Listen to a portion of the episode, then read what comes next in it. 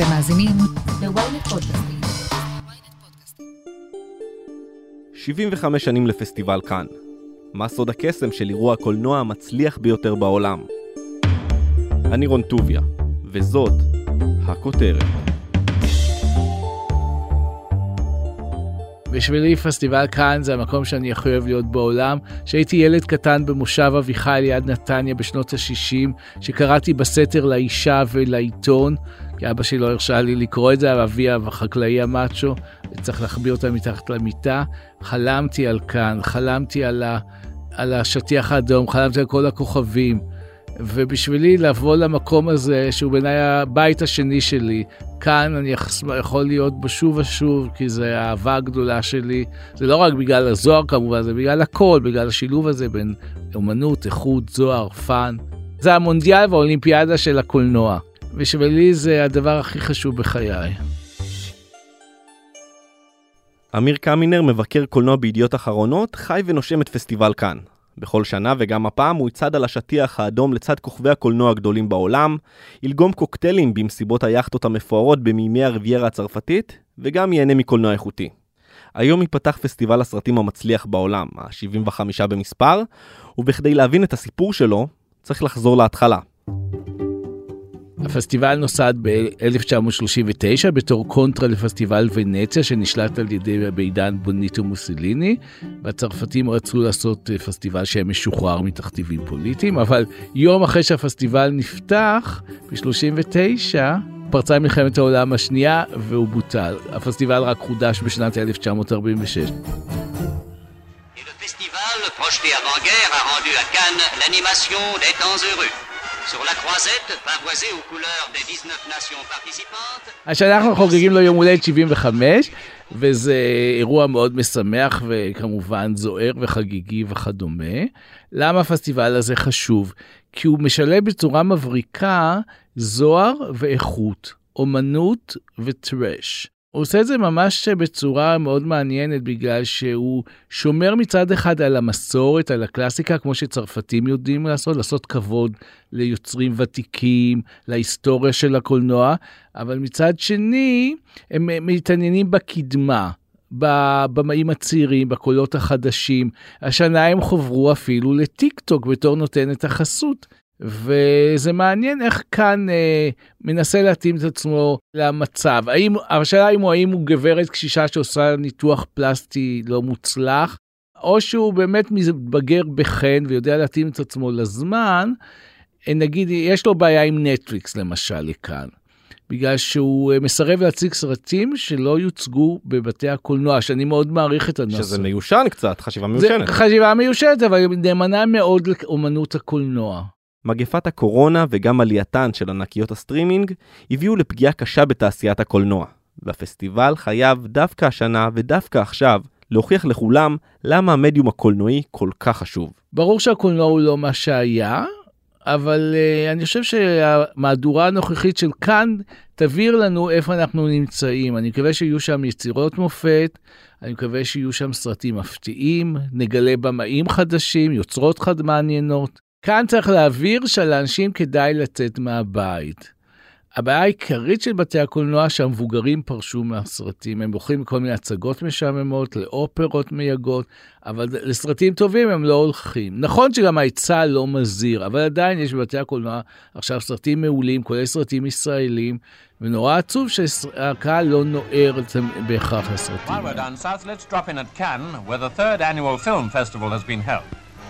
Those who were lucky enough to be there got a good view of the stars arriving and could make a mental note of what their favorites were wearing. בעבר הוליווד מאוד חיזרה אחרי הפסטיבל. היו שנים שהכוכבים ההוליוודיים באמת היו נוערים לשם בטירוף. נקודת המשבר הייתה באחרי 9-11, והוליווד פתאום התחילה להוריד מינונים. כי בשנים העברו, לפני שאני הגעתי לפסטיבל, היו מסיבות מטורפות של האולפנים הגדולים, ושפכו שם המון כסף. ואז היה איזה סוג משבר, גם זה תלוי ב, גם בעניינים הכספיים שפוקדים את העולם ממשבר הבועה ב-2008. ברגע שיש איזה בעיות כלכליות, הוליווד מקמצת, אה, כי זה, זה כל המנגנון של יחסי הציבור והכל זה שפיכת כספים.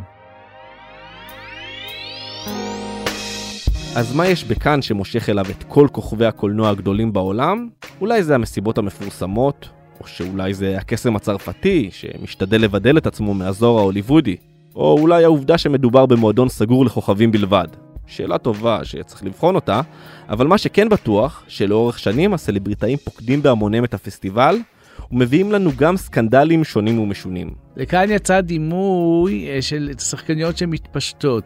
אני זוכר את קודמיי שהיו מסקרים את כאן, אז הם היו תמיד כותבים על הבחורות שמתפשטות בחוף הים ודברים כאלה, והאחראית לכל זה זה סימון סילבה, שחקנית אה, צרפתיה ילידת מצרים. שהחליטה שהגיע הזמן שיבחינו בנתוניה הבולטים וכישוריה המופלאים. הייתה שחקנית בכל מיני סרטים בריטים סוג ג'. והגיעה לכאן והיא נבחרה כי היום כמובן אין את התחרות הטיפשית הזאת מיס פסטיבל.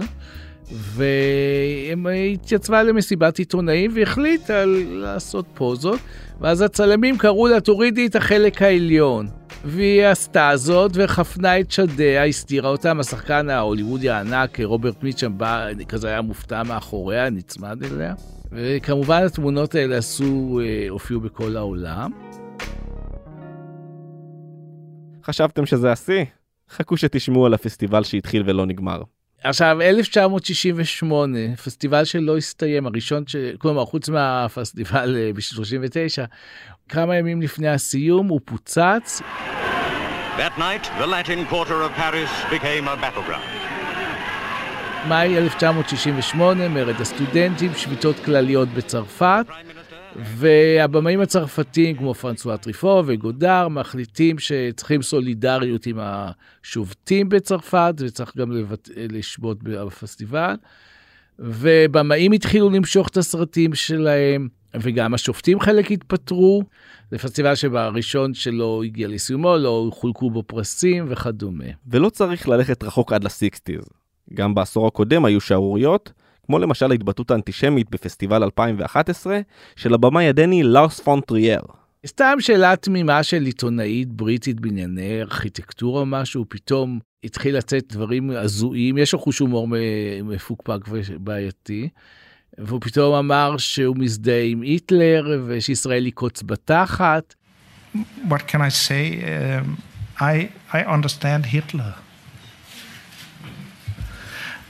he did some wrong things. Yes, זה הכל בגלל שהוא דיבר על זה שבילדות שלו הוא חשב שאבא שלו יהודי, ואז הוא גילה שאבא שלו בכלל זה לא אבא ביולוגי, שהאבא ביולוגי שלו הוא גרמני, ואז הוא אמר שאני נאצי ואני מבין את היטלר.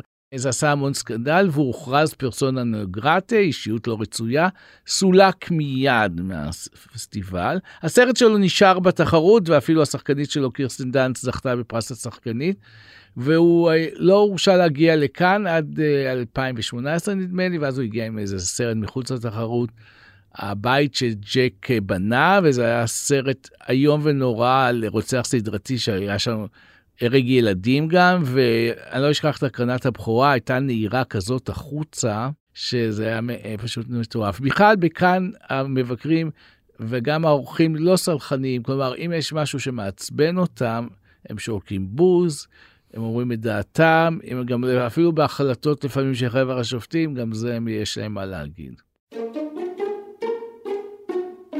טוב, זה לא מפתיע שהצרפתים אוהבים להגיד את דעתם, וזה עוד יותר לא מפתיע כשזה מגיע לאופנה. כי לפסטיבל כאן יש קוד לבוש חמור מאוד, ולא בטוח שייתנו לכם לעבור בשערי העיר, אם לא תתלבשו בהתאם. פעם היה סיפור שלפדריקו פליני הגאון האיטלקי לא הרשו להיכנס בגלל שהיו לו נעליים לא טובות, זו האגדה מספרת. לא תקניות, אבל אתה צריך לבוא עם חליפה, עם פפיון, זאת אומרת מעצבים, עם נעלי עקב. יש לי חברה שלא הורשתה להיכנס כי לא באה עם נעליים, לא מצאו חן בעיני הסדרנים. והשיא היה שג'וליה רוברטס החליטה לפני כמה שנים, זה היה סקנדל גדול, והיא הורידה את נעלי עקב, הלכה יחפה על המדרגות של ארמון הפסטיבל, ונהיה כבר דיון שלם סביב הנושא של אה, האם אה, צריך להמשיך להקפיד על כל הקטע של הנעלי עקב, וכמובן דיון פמיניסטי גדול התפתח סביב הנושא. אז ברשותך, אמיר, בוא נתעלם לרגע מהשערוריות ומהמנהגים של הפסטיבל, ונתעסק בסיבה שלשמה מתכנסים בכל שנה כל כוכבי הקולנוע הגדולים בעולם, הערכת אומנות והענקת פרסים.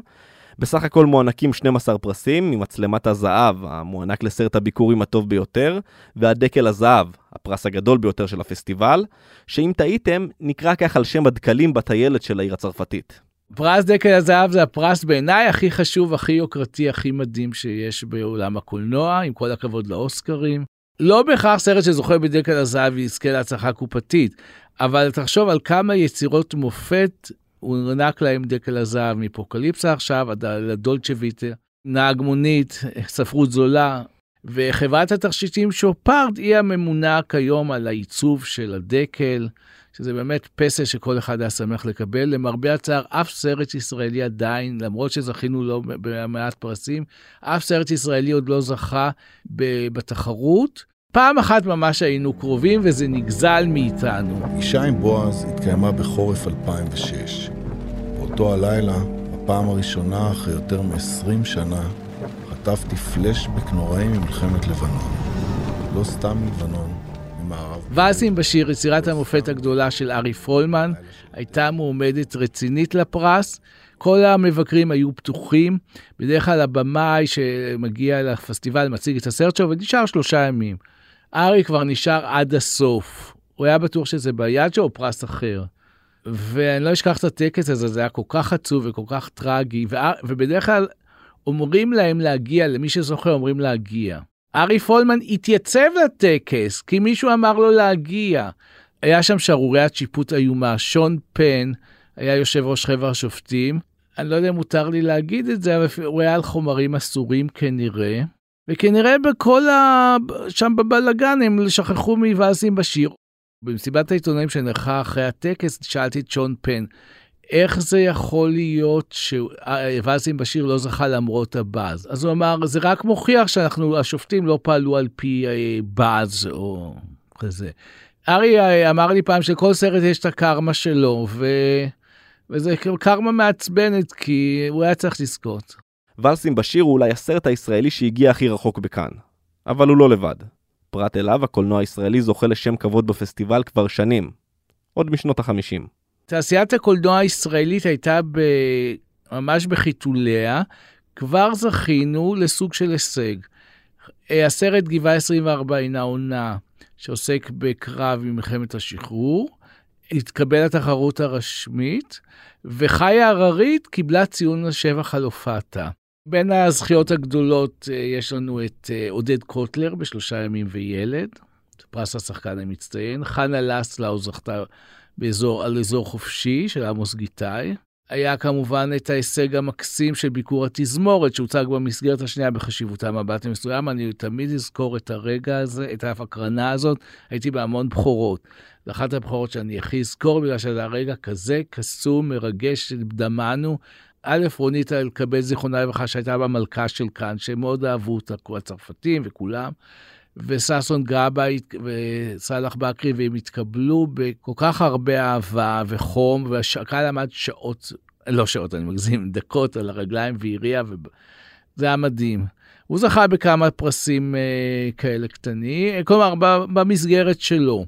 יוסף סידר זכה בפרס מאוד משמעותי על הערת שוליים, פרס התסריט, ואז היה פסק זמן של עשר שנים, שלא היינו בתחרות הרשמית, היינו במסגרות אחרות, ואז הברך של נדב לפיד הגיע, הוא קיבל את הפרס היוקרתי של אה, פרס חבר השופטים.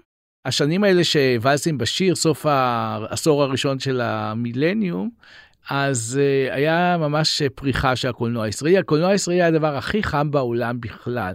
זכינו בפסטיבלים, היינו מועמדים לאוסקר, היינו הדבר החם, כמו שהיה פעם הקולנוע האיראני, פעם היה דרום קוריאני, היה פעם הרומני, אז פתאום הקולנוע הישראלי זה היה הקולנוע הכי מדובר, היוצרים הישראלים היו מאוד מבוקשים. והשנה, אולי גם בגלל הקורונה, אני לא יודע מה קרה, אף סרט ישראלי, חוץ מסרט סטודנטים, לא התקבל לתחרות הרשמית. ואם אנחנו מדברים על ישראל, אי אפשר להתעלם מהגוון הפוליטי שהקולנוע הישראלי מעניק לפסטיבל, שכאמור כל מטרתו הוא הפצת תרבות וקולנוע. בשנים האחרונות הפך הפסטיבל לזירת התגוששות פוליטית, אם זה פעם ישראל מול פלסטין, פעם איראן נגד ארצות הברית, והשנה יש לנו להיט חדש, רוסיה נגד אוקראינה. אמיר בוגן, כתב הקולנוע של ynet, גם אתה נמצא בכאן. מה הפך את הפסטיבל לכל כך פוליטי? פסטיבל כאן זה קצת כמו האירוויזיון, מטבע הדברים מגיעים אנשים מכל העולם, יש שם כפר בינלאומי ו- ויש המון חשיפה והמון uh, תקשורת ושיח. בסופו של דבר זה אירוע שמוקדש לקהילת הקולנוע וברובה למקצוענים. אבל בין המקצוענים יש גם עיתונאים, וברמה של תעודה עולמית, כן, תמיד יש מספיק אה, צלמי פפראצי, ויש מספיק עיתונאים שידווחו על כל מיני אה, מחוות ומחאות, כמו למשל, מצד אחד, אה, השמלה הידועה של מירי רגב. ומהצד השני לא אחת ישנן חרמות ומחאות סביב אירועים פוליטיים. למשל בשנה שעברה הקאסט הערבי של הסרט הישראלי ויהי בוקר של ערן קולירין החליט להחרים את הפסטיבל בשל מה שהשחקנים מכנים מדיניות האפרטהייד בשטחים. אבל תתפלאו, אנחנו לא המדינה הכי מעוררת מחלוקת בפסטיבל. האומה הכי אה, מושמצת בקאן זו דווקא איראן. זאת אומרת, למרות, שיש המון אה, קולנוענים שמגיעים ומקבלים יחס מאוד יפה בכאן, בין השאר בגלל היחס של השלטון בטהרן לאומנים שהם יוצאים מהתלם ויוצאים מההכוונה של השלטון, ואז היו לא מעט מקרים של אה, במאים שנכנסו למעצרי בית וכל מיני כאלה. היו מחאות פומביות, למשל של אה, ז'וליאט בינוש ב-2010, מעל במת הפרסים, שהיא הניפה שלט של ג'פר פנאהי, שהוא אה, במאי איראני שלא הורשה להגיע להקרנות של, של הסרטים שלו בגלל שהוא במעצר בית. אני חושב שבעיקר מה שהדברים שמעסיקים ומקבלים תעודה תקשורתית, שוב, בעיקר בארץ ולפעמים גם בעולם, זה המחאות מעל הבמה. זאת אומרת, המחאות של היוצרים עצמם, פחות הסרטים. כפי שהבנתם, בכאן מתים על סכסוכים, בעיקר על הסכסוך הישראלי-פלסטיני. בקטע הפלסטיני דווקא, אין יותר מדי סרטים פלסטינים שמתקבלים לפסטיבל. אה, רובם, אגב, הם נגיד כמו הסרט שיוצג בפסטיבל וקוראים לו אה, חום ים תיכוני, של מה אחת שהיא חיפאית בכלל, וגם סרט צולם בישראל, אבל הוא לא נחשב ישראלי, וגם לא, אין, אין שם כסף ישראלי.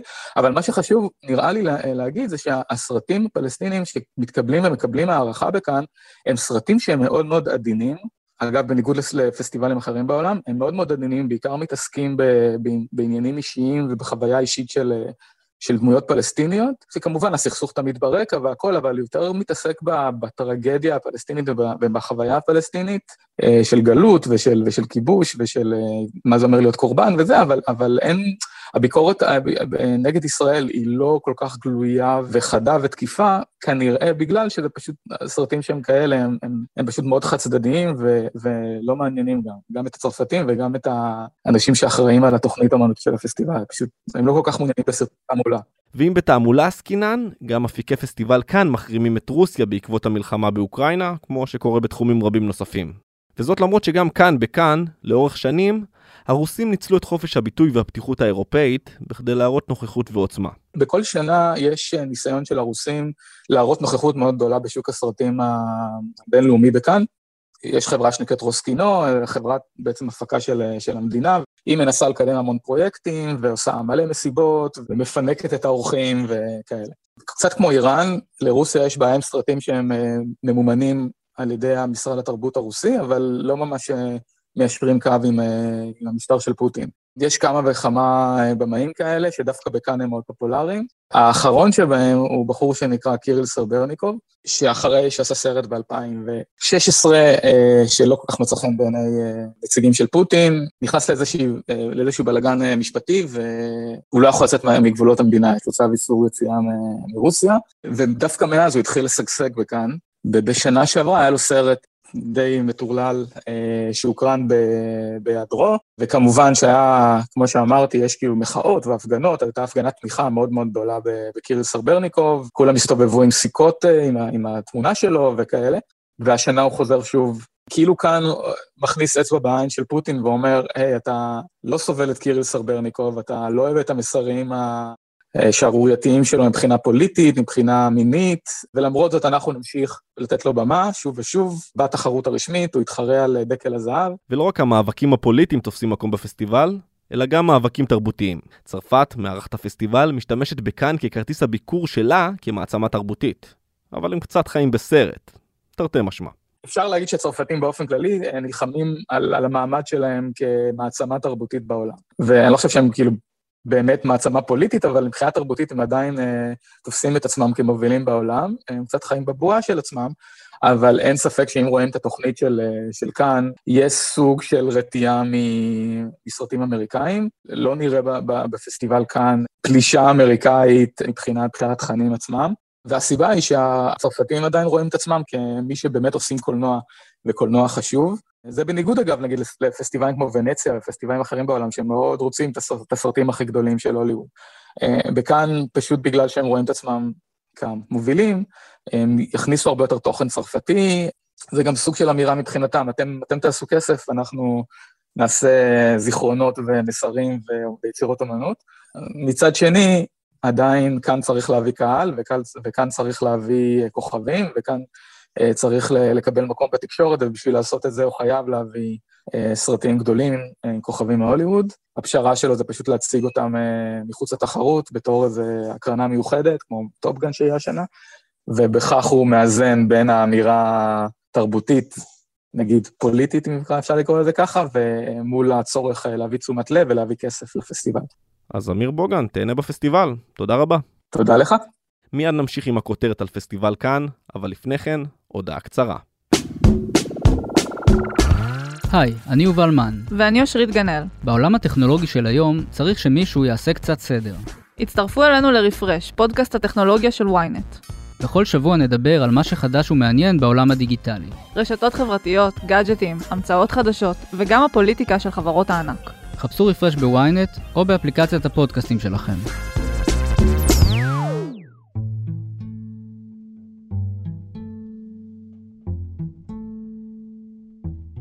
מעבר למלחמות ומשברים דיפלומטיים, אפשר לראות גם שינויים חברתיים המשפיעים על הפסטיבל, כמו מהפכת המיטו. אמיר קמינר, איך השינוי בקוד ההתנהגות משפיע על כאן? יאמר מיד, פסטיבל כאן היה שדה הטרף של הרבה טורפים חילות, כמו ארווי ויינסטין. אני ראיתי אותו בפעולה במסיבות ראוותניות, ראיתי גם את דומיו, לא בהכרח מפיקים הוליוודים, גם אה, שייחים כל מיני מפיקים אירופאים, כל מיני אנשי עסקים, במסיבות הראוותניות הדקדנטיות, מוקפים בכל מיני נערות ממזרח אירופה או בכוכבניות שנורא רצו להגיע, והם ניצלו מספיק נשים שם, ואני לא גאה בצד הזה של כאן. In 1997, I was raped by Harvey Weinstein here at Cannes. I was 21 years old. This festival was his hunting ground. לעולם לא אשכח איך ישבתי בטקס הסיום של 2018, והשחקנית האיטלקייה אסיה רג'נטו הגישה פרס, ואמרה בהקדמה שלה ב-1997, נאנסתי כאן על ידי ארווי ויינסטין. והיא לא הסתפקה בווידוי האמיץ שלה נגד המפיק ההוליוודי, ושלחה גם רמז נוקב ליושבים בקהל. אפילו הערב יש ביניכם כאלה שעדיין צריכים לשלם הפשעים שביצעו. ברור לך שהאולם היה רטט, אה, כאילו היה צמרמורת, היה רחש. זה עשה אימפקט עצום, וזה... אני מניח שהיום אנשים פחות יעיזו. כל המסיבות האלה שהיו על היאכטות, נעשו דברים שלא היו צריכים לעשות. ולמרבה השמחה, או הזמנים משתנים, והאווירה עכשיו הרבה יותר נקייה. אולי פחות זוהרת, אולי פחות כיפית. בכלל עכשיו הכל פחות אה, נוצץ גם בגלל ענייני כסף, כי יש פחות כסף בעולם עכשיו. אז עם פחות מסיבות מפוקפקות, עם תעשיית קולנוע פוסט-קורונה, ובלי רוסיה, מה יצפה לנו השנה לשטיח האדום בכאן? טוב, אז השנה היו שני אירועים מאוד בולטים. הבכורה של אהבה בשחקים מבריק, 36 שנה אחרי הלהיט הגדול, אהבה בשחקים. יש שם את uh, תום קרוז, תום קרוז לא היה 30 שנה בכאן. הוא הגיע ב-1999, הגיש בטקס הסיום uh, פרס לסרט הזוכה, והציג את סרטו עם ניקול קידמן זוגתו דאז, הרחק מכאן. אבל תום קרוז, הסרט התקבל בבוז, והוא הפסיק לבוא לכאן יותר.